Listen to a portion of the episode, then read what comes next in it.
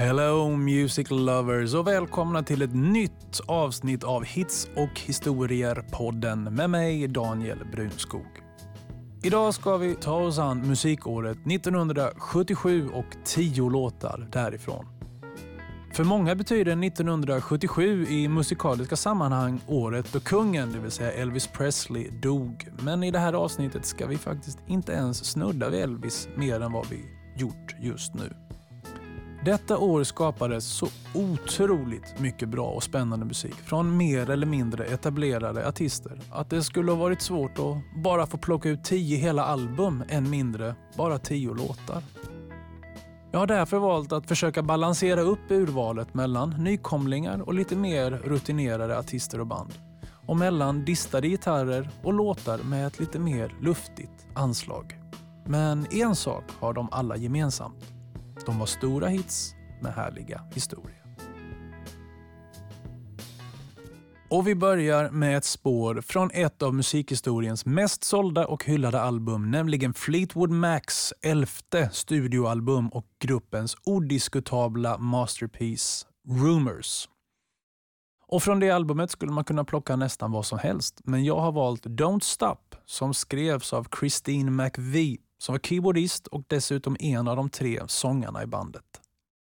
Fleetwood Mac grundades i London redan 67 och trummisen Mick Fleetwood och basisten John McVie har funnits med på hela resan medan andra medlemmar har kommit och gått under åren. Konstellationen som bandet hade under perioden 75 till 87 bestod av Stevie Nicks och Lindsey Buckingham utöver redan nämnda Mick Fleetwood, John McVie och Christine McVie. Och det är den kommersiellt mest framgångsrika line-upen.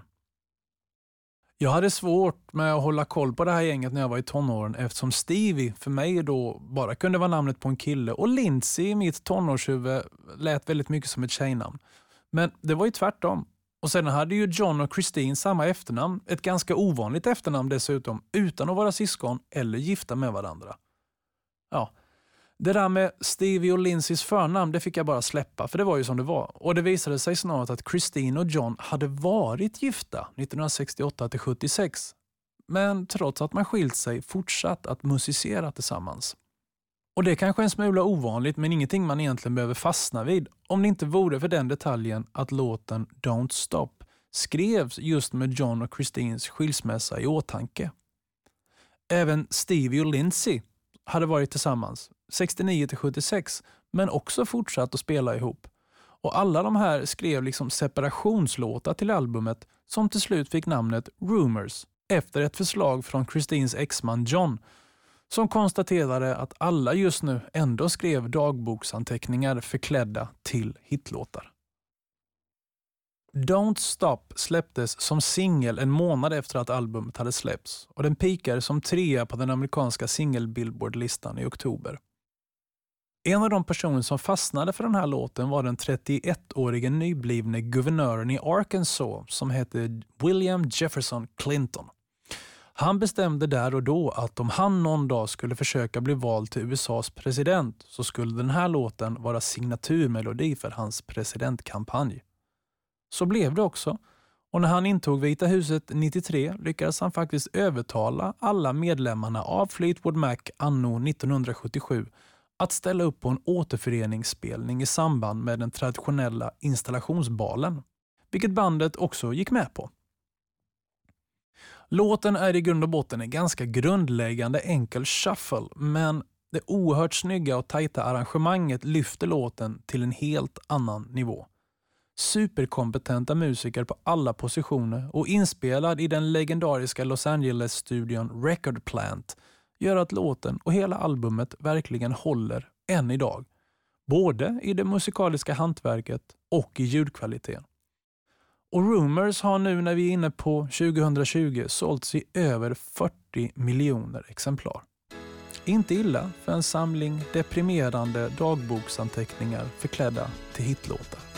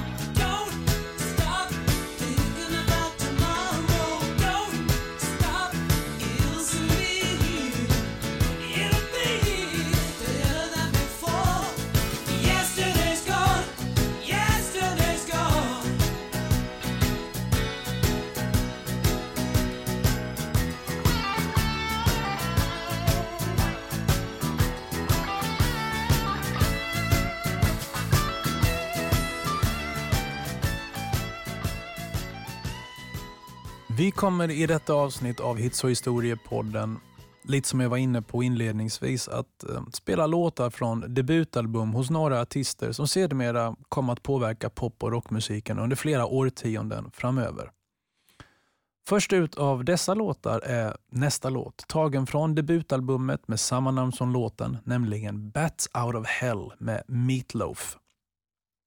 Meatloaf, som döptes till Marvin Lee Aday, växte upp i Dallas, Texas, men lämnade staden för västkusten och Los Angeles efter att modern dött och fadern återfallit i alkoholmissbruket som kommit och gått under Meatloafs uppväxt.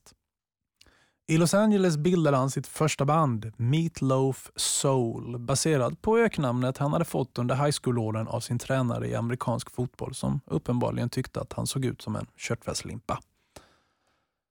Karriären tog fart omedelbart och bandet, under flera olika namn och olika konstellationer, agerade förband till bland annat Them med Van Morrison på sång, Janis Joplin, The Who, The Stooges och Grateful Dead.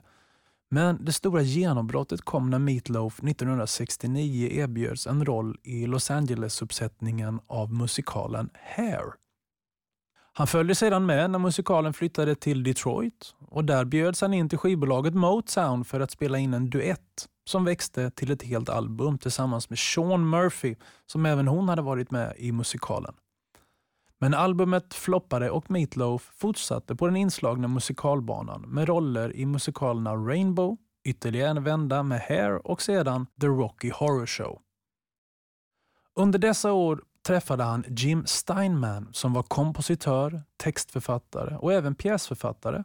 Och tillsammans började de jobba på ett eget album som var något mellanting mellan ett konventionellt rockalbum och en rockopera. Albumet fick namnet Bat Out of Hell och efter att ha jobbat med inspelningarna i två år lite drygt, 75, 76 och en bit in på 77, så släpptes albumet slutligen hösten 77 till mycket blandade recensioner. Själva menade Steinman och Meatloaf att albumet var och är tidlöst på ett sätt som innebär att det aldrig riktigt passar in oavsett när man hade släppt det. Den andra sidan av det myntet visade sig vara att det inte heller riktigt har blivit omodernt och säljs än idag i cirka 200 000 exemplar om året. Vilket gör att det här albumet nu har sålts i mer än 43 miljoner exemplar jorden runt och är ett av de mest sålda någonsin. Öppningsspåret är Steinmans försök att skriva världens ösigaste crash-sång, det vill säga en låt som handlar om en bilkrasch, som till exempel 60-talsklassikerna Leader of the Pack och Tell Laura I Love Her. Och oavsett om han lyckades eller ej så blev Bat Out of Hell inte bara en fantastisk rocklåt utan också ett maffigt storsäljande album och sedermera även en musikal med premiär i England 2017. Eftersom vi har lite begränsat med tid i podden så kliver vi in i låten efter ett rockigt och dramatiskt musikaliskt intro på nästan två minuter. Värdigt vilken musikal som helst. Här har vi Bats Out of Hell.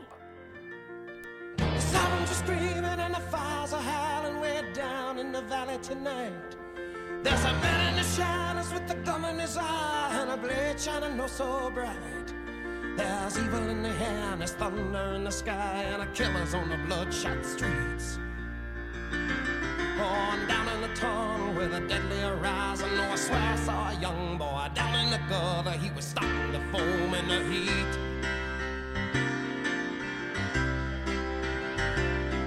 Ah, oh, baby, you're the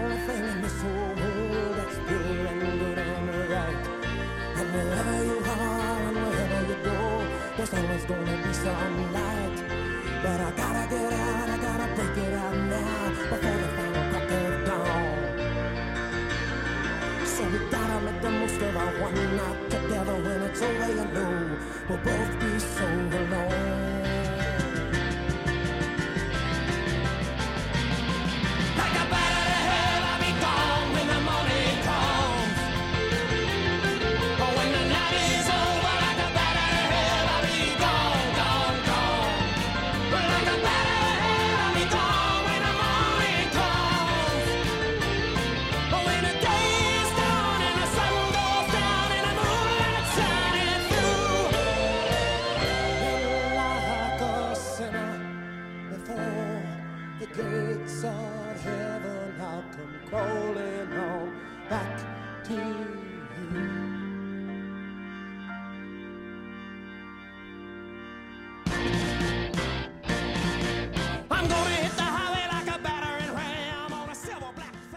Bat Out of Hell med Meatloaf och det går nästan inte att göra ett större språng i intensitet från den låten till nästa låt i dagens avsnitt. För nu är det dags för Commodores stora hitlåt Easy. Soul och funkgruppen Commodores släppte sitt första album 74 men slog igenom först 76 med albumet Hot on the Tracks. Där var det hitsingeln Just Be Close To You som visade vägen och den skrevs av bandets frontman och grundare Lionel Richie. Och det var även Richie som låg bakom hitten Easy från bandets nästkommande album som dök upp 77. Albumet Commodores innehöll låtar som varierade i stil och arrangemang och till och med trummisen Walter Orange fick sjunga lead på en av låtarna Brickhouse som kom att bli albumets andra stora hit vid sidan av Easy. Easy är något så ovanligt som en relationslåt där mannen efter att relationen avslutats inte ångrar sig och ber kvinnan ta honom tillbaka eller är arg och frustrerad över uppbrottet. Han är helt enkelt bara avslappnad. Easy like a Sunday morning. Förutom att balladen blev en hit för Commodores så lade den även grunden för Richie som en balladsångare, vilket han ofta skulle falla tillbaka på i låtar som Three times a lady och Still och som soloartist ännu mer tydligt med hits som Say You, Say Me, Hello och Diana Ross-duetten Endless Love. Men Easy har en kvalitet som de där andra balladerna inte har. Arrangemanget är fritt från smör och dansgolvsanpassning om ni förstår vad jag menar. Den är full av härliga trumfills, baskrumelurer och distinkta, korta och återhållsamma insatser av både elgitarr och blåssektioner. Höjningen på slutet har en uppgång som i sin enkelhet är högsta klass och man märker att detta är ett band som har helt andra kvaliteter än att bara trycka ur sig radioanpassad hitmusik. Just därför kanske har låten överlevt utan att åldras nämnvärt och är än idag, efter att jag har hört den så många gånger, både spännande och inspirerande.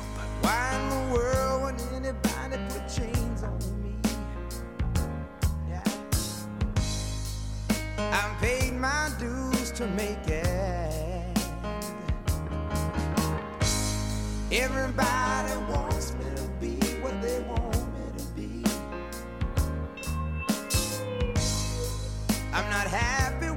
try to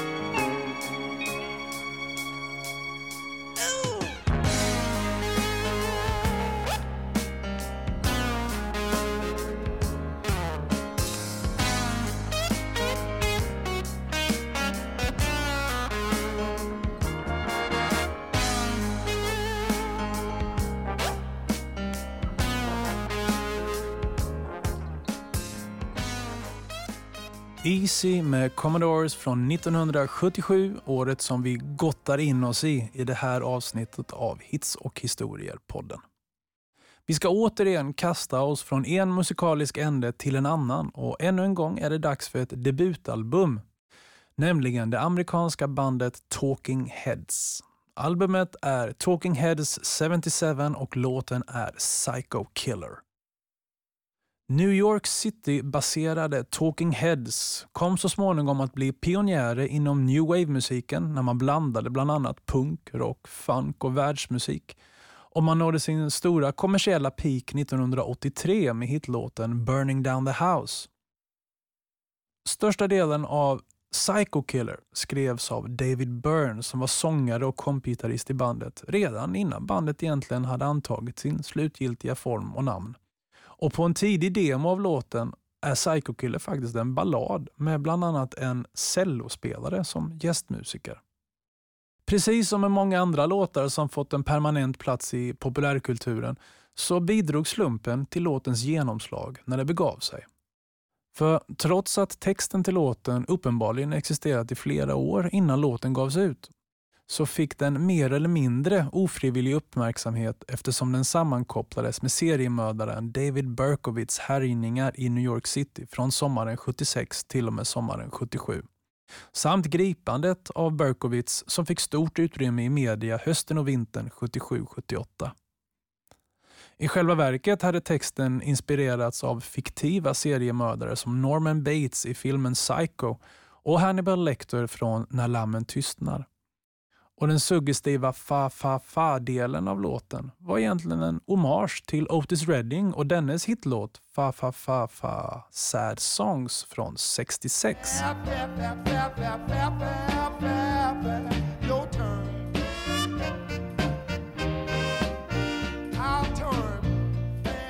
Psycho Killer har en av de bästa, simplaste och mest lättigenkännliga basgångarna jag vet.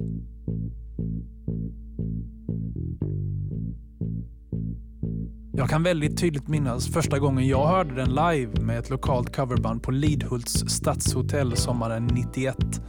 Och den har funnits med mig sedan dess.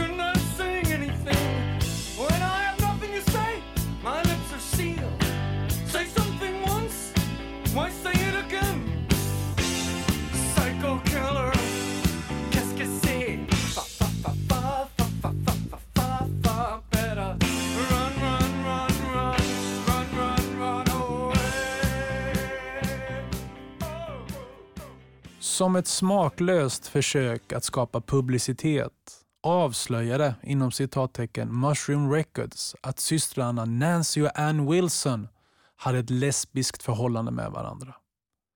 Systrarna var frontfigurer i det amerikanska rockbandet Heart som skivbolaget promotade men när det här nådde systrarna via ett fan efter en konsert blev de vansinniga över tilltaget. Och samma kväll vände Ann Wilson ilskan till ett kreativt utlopp och texten till en ny låt, Barracuda, skrevs. Barracuda är en gäddliknande rovfisk som kan bli över en och en halv meter lång och den fick representera allt och alla element inom skivbranschen som hon avskydde. Efter att ha fått sitt genombrott 1975 med debutalbumet Dreamboat Annie, där framförallt singeln Magic Man blivit en hit, så var man mitt i inspelningen av ett nytt album när Mushroom Records gjorde sitt utspel. Man lämnade omedelbart arbetet och anslöt sig istället till nystartade Sony-ägda skivbolaget Portrait, dit redan Joan Baez var knuten. Barracuda bygger på ett distinkt gitarriff som var inspirerat av gruppen Nazareths coverversion av Joni Mitchell-låten This Flight Tonight. Hart hade turnerat som förband till Nazareth i Europa och där blivit välbekanta med bandets Joni Mitchell-cover. Denna så kallade inspiration ogillades skarpt av Nazareth som tyckte att Hart hade snott deras riff. Och, och nog kan man höra att de inspirerats, men att det skulle vara samma riff det att kanske dra det lite för långt eftersom hela knorren i Hearts gitarriff saknas i Nazareth-låten. Döm själva. Nazareth först och Hearts därefter.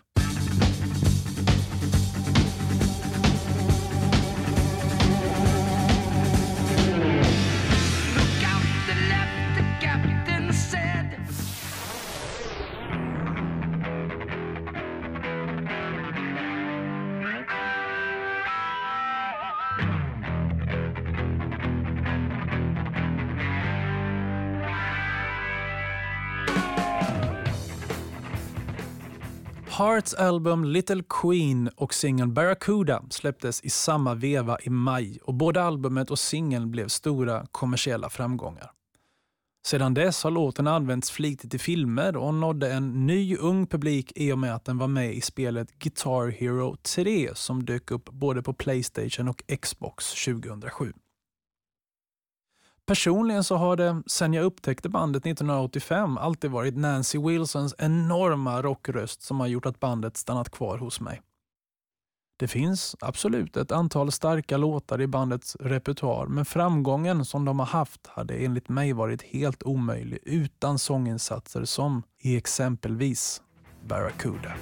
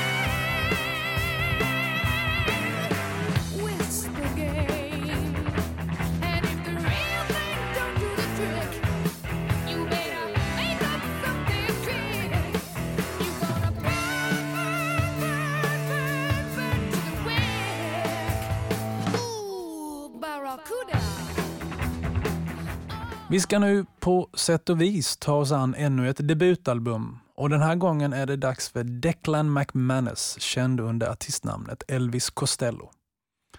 Han bildade 1974, då 20 år gammal, sitt första riktiga band Flip City som återfanns i den kortlivade brittiska genren pubrock.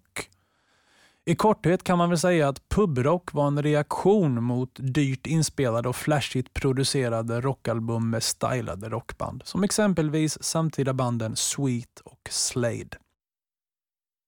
Pubrockbanden var också kända för att vägra spela på större ställen utan höll sig till små intima pubbar och klubbar. Och Detta tillsammans med fokus på ganska billiga inspelningar vid indie-skivbolag gör att man utan vidare kan påstå att pubrocken var katalysatorn för den brittiska punkrockscenen, som vi ska återkomma till längre fram i det här avsnittet. 1976 skickade D.P. Costello in en demokassett till alldeles nybildade Stiff Records i London. Han hade då bytt artistnamn från Dick McManus och tagit samma som sin sjungande pappa, det vill säga Costello, och därtill lagt sina egna förnamnsinitialer, D för Declan och P för Patrick. D.P. Costello. När demon nådde Stiff Records hamnade den i knät på Jake Riviera som omedelbart signade Costello till bolaget som soloartist. Det var också Jake som, kanske för att han just hade kommit tillbaka till England från en period i USA, tyckte att D.P. Costello istället skulle börja använda förnamnet Elvis. Och det numera världsbenämnda artistnamnet Elvis Costello var ett faktum. Costello släppte sin debutsingel Less than zero i mars 77 och debutalbumet My Aim is True kom fyra månader senare. Albumet spelades in för 20 000 kronor och på 24 effektivt använda studiotimmar. Helt i linje med pubrock-värderingarna som han hade med sig i ryggsäcken. Kompbandet bestod av en samling samspelta medlemmar från bandet Clover, vilket såklart också bidrog till effektiviteten i studion. Och när vi i ett annat avsnitt kommer studsa in på 80-talet dyker det här bandet upp igen, då tillsammans med amerikanske keyboardisten, munspelaren och sångaren Huey Lewis. Men det är en annan hit och en annan historia. Stiff Records släppte två singlar från Costellos debutalbum. Redan nämnda Less than Zero och sen även balladen Allison men trots att båda låtarna, inte minst sistnämnda Allison, har levt vidare i pophistorien blev ingen av dem någon större hit i England och passerar i princip helt obemärkta förbi i USA. Albumet följdes upp av singeln Watching the Detectives som släpptes i mitten av oktober och nu började det hända saker. Singeln höll sig kvar på Englands singellista i 11 veckor där den pikade som nummer 15 och den fick även radiotid i Kanada, Australien och viktigast av allt USA. Watching the Detectives är en reggae om en tjej som hellre kollar på deckare på tv än tillbringar tid med sin kille. Och som det mesta av Costellos tidiga material är det skrivet ur den klassiska Angry Young Man-perspektivet. Låten skrevs efter att ha suttit uppe en hel natt och lyssnat på det självbetitlade debutalbumet av The Clash vilket sägs förklara att det blev en reggae då det finns en hel del sådana influenser på det albumet. Den här underbara låten har ett otroligt skönt gung. All heder åt Steve Golding på trummor och Andrew Bodnar på bas. Samt en text som rymmer ovanligt många och långa ord för att vara en popsingel. Efter att låten hade nått singelframgång så lades den med på debutalbumet när det skulle släppas i USA Därför finns det två olika versioner av albumet, en brittisk och en amerikansk utgåva och därför kan man väl också säga att Watching the Detectives finns med på Costellos debutalbum.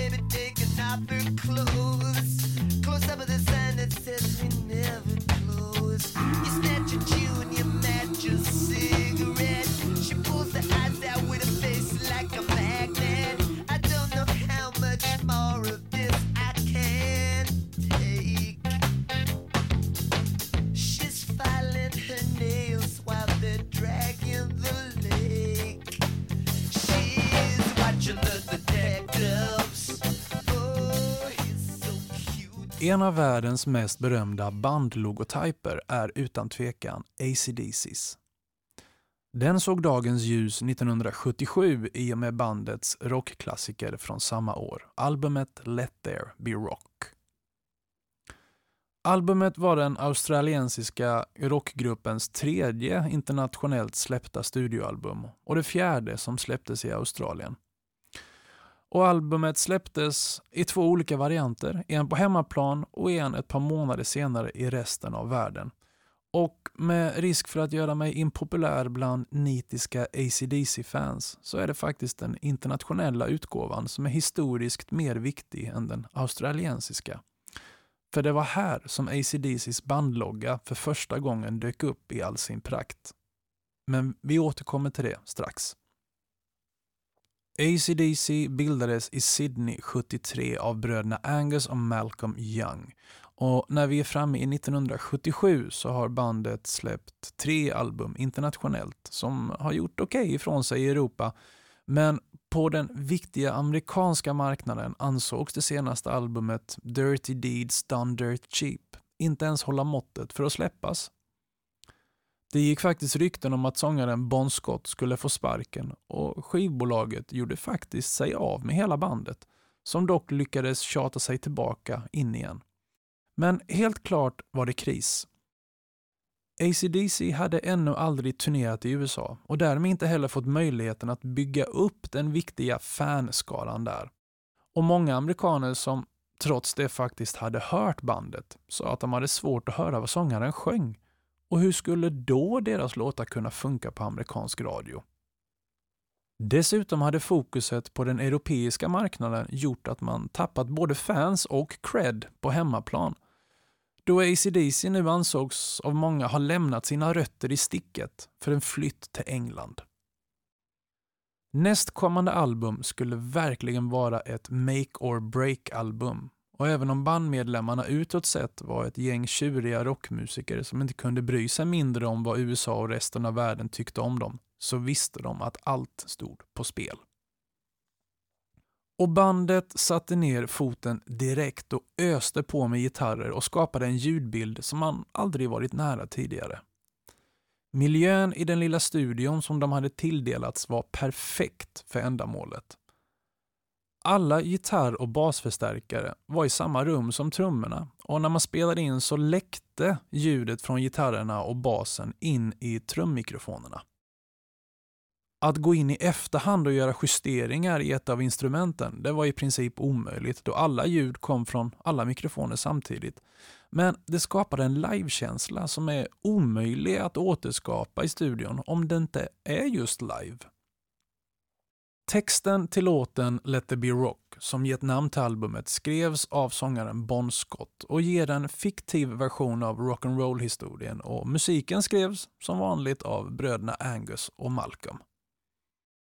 Omslaget till den internationella versionen, som släpptes sommaren 77, hade fått en ny look jämfört med originalomslaget i Australien och nu var bandets logga designad av illustratören Gerard Huerta. Han avsåg att skapa en logotyp för att matcha det bibliska temat i låten Let it be rock. Men naturligtvis så ger ju blixtnedslaget och den blodröda färgen i loggan även associationer till mindre änglaliknande historier från Bibeln. Albumet blev en stor musikalisk framgång och öppnade upp den amerikanska marknaden för bandet. Och låtar som Dog Eat Dog, Hell Ain't a Bad Place To Be och Whole Lotta Rosie återfanns i bandets live-repertoar under drygt 30 år. Jag har svårt att själv lyssna på låten Let There Be Rock på någon slags objektivt sätt eftersom den har varit en del av mig så länge. Men snackar vi om världens bästa riffband så är det ja, svårt att inte börja med gitarrerna som är fullständigt fantastiska. Och bandet är så tajt och spelar med en sån framåtrörelse att det är omöjligt att värja sig mot den här låten. Bon Scott var aldrig en bättre sångare än här och bandet påbörjade nu sin tre år långa peak som skapade en given plats i min och miljoner andra musiklyssnares skivsamling.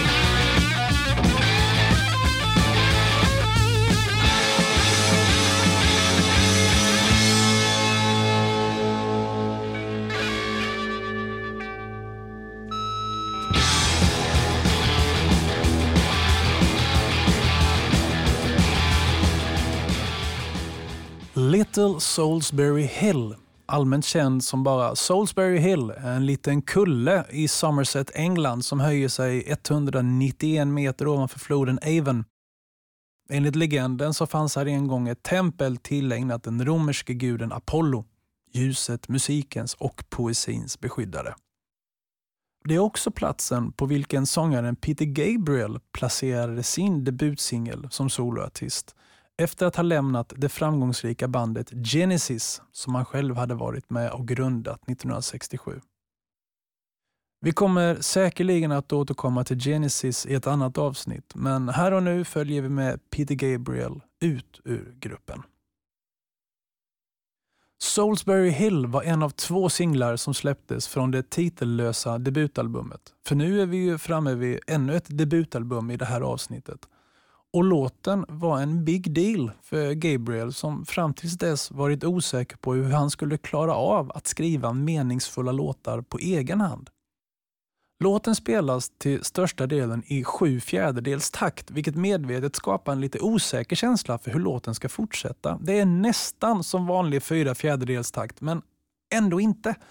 Vilket gör att man som lyssnare liksom tvingas lyssna lite mer aktivt. Och fler och fler instrument bygger på det musikaliska arrangemanget ju längre in i låten man kommer. Det akustiska uttrycket i låten skapades när producenten Bob Ezrin föreslog att gitarriffet skulle spelas på en akustisk gitarr istället för den elgitarr som dominerade låten i de tidiga versionerna. Och till slut så hittar man tre olika akustiska gitarrer spelade på tre olika sätt för att skapa en nästintill oefterhärmlig gitarrklang. Salisbury Hill handlar om att vara beredd att förlora allt man har för vad man kanske kan få. Och även om den filosofin kan ses i ett bredare perspektiv så är det såklart inte svårt att applicera den på Gabriels personliga situation i och med att han just lämnat sina barndomsvänner och sitt eget band bakom sig.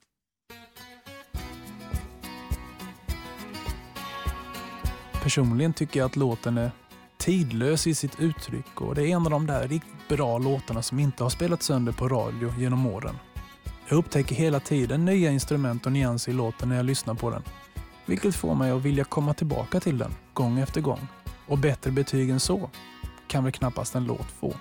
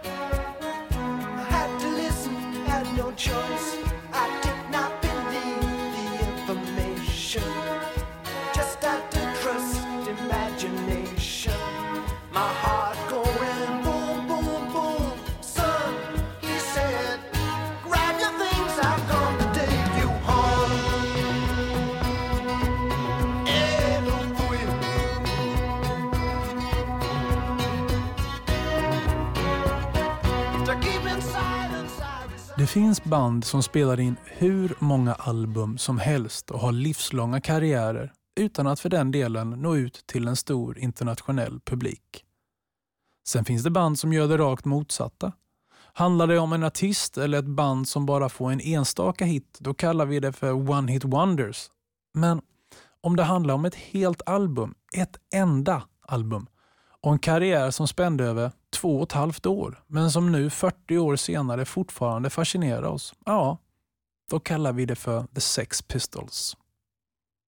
Under den korta perioden som utgjorde punkbandet Sex Pistols karriär hade man sju singlar och ett album på Englands olika 10 topplistor. Albumet Nevermind the Bollocks Here's the Sex Pistols erbjuder med andra ord ett smörgåsbord att välja låt från och jag har valt Pretty Vacant. Singeln kom i juli och var den tredje som släpptes från albumet som skulle dyka upp lite senare i oktober. Den nådde en sjätteplats på engelska singellistan och var den låt som spelades vid gruppens första tv-framträdande i klassiska musikprogrammet Top of the Pops.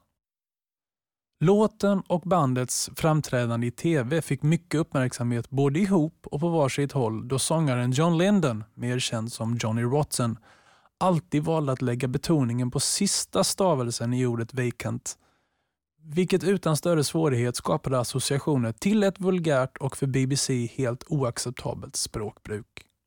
Rent musikaliskt är låtens gitarrintro inspirerat av ABBAs låt SOS som hade släppts 1975.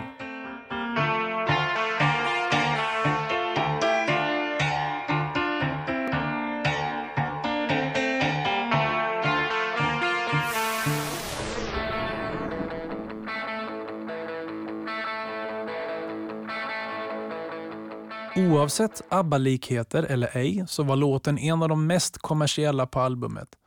Och det är nästan så att det låter lite för bra för att vara punk och Sex Pistols.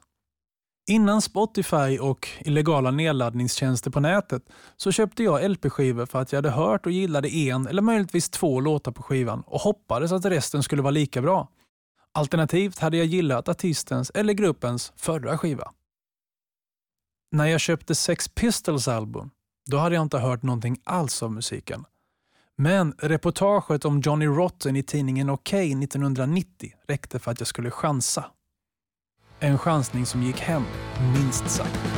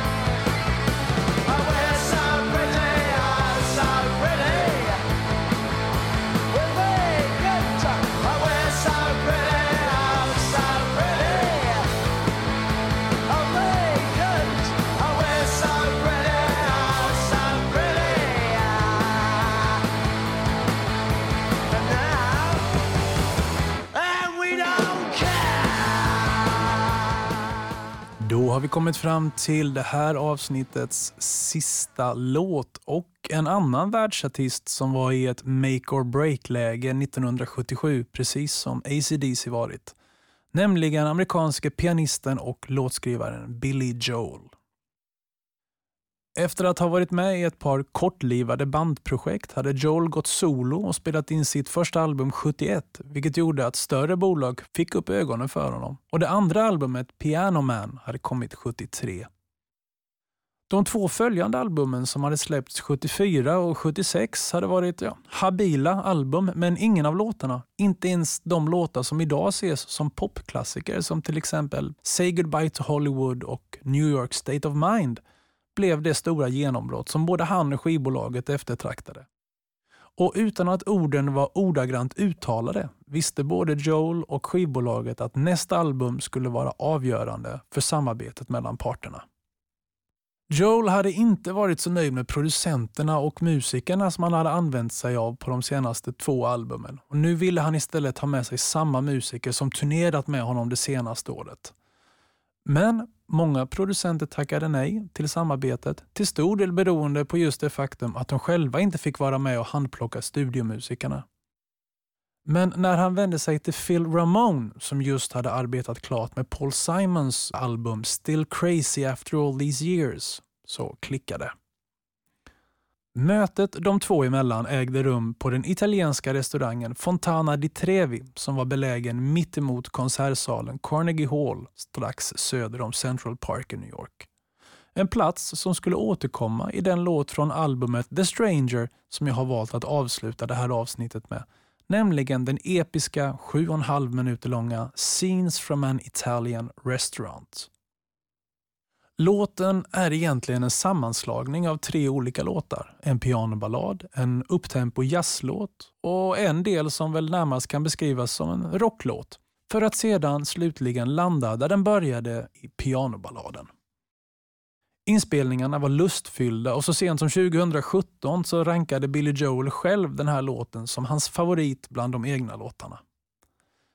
Idén att sätta ihop kortare låtar och skapa en längre var rakt av snodd från Beatles B-sida på deras album Abbey Road som Billy Joel var ett stort fan av, där åtta olika kortare låtar skapar ett 16 minuters medley. Till skillnad från Beatles medley så vävde Joel emellertid ihop de tre låtarna med en sammanhängande text om Brenda och Eddie som var high school sweethearts och som gifte sig och sen skilde sig.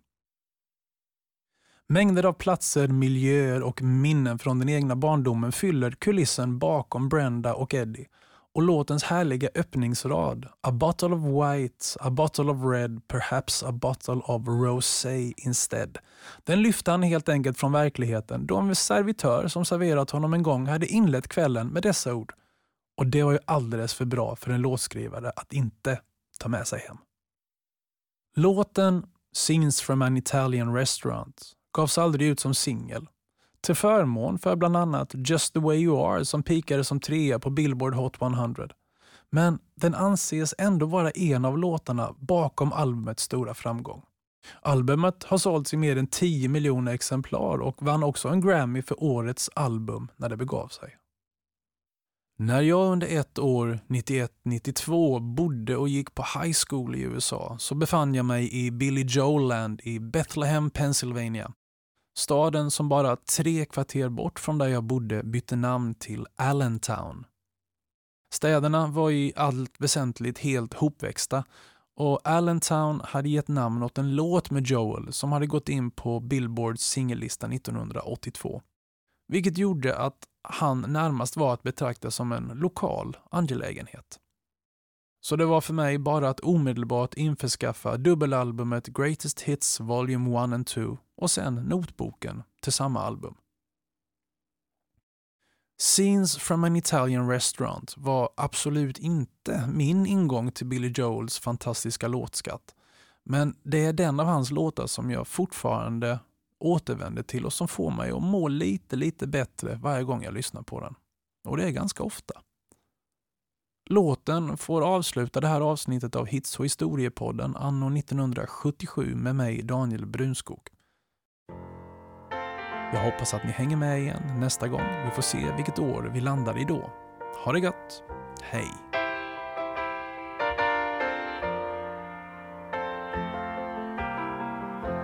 A bottle of white, a bottle of red, perhaps a bottle of rosé instead. Get a table near the street in our old familiar place, you and I, face to face. Mm-hmm. A bottle of red, a bottle of whites. It all depends upon your appetite. I'll meet you anytime you want in our Italian restaurant.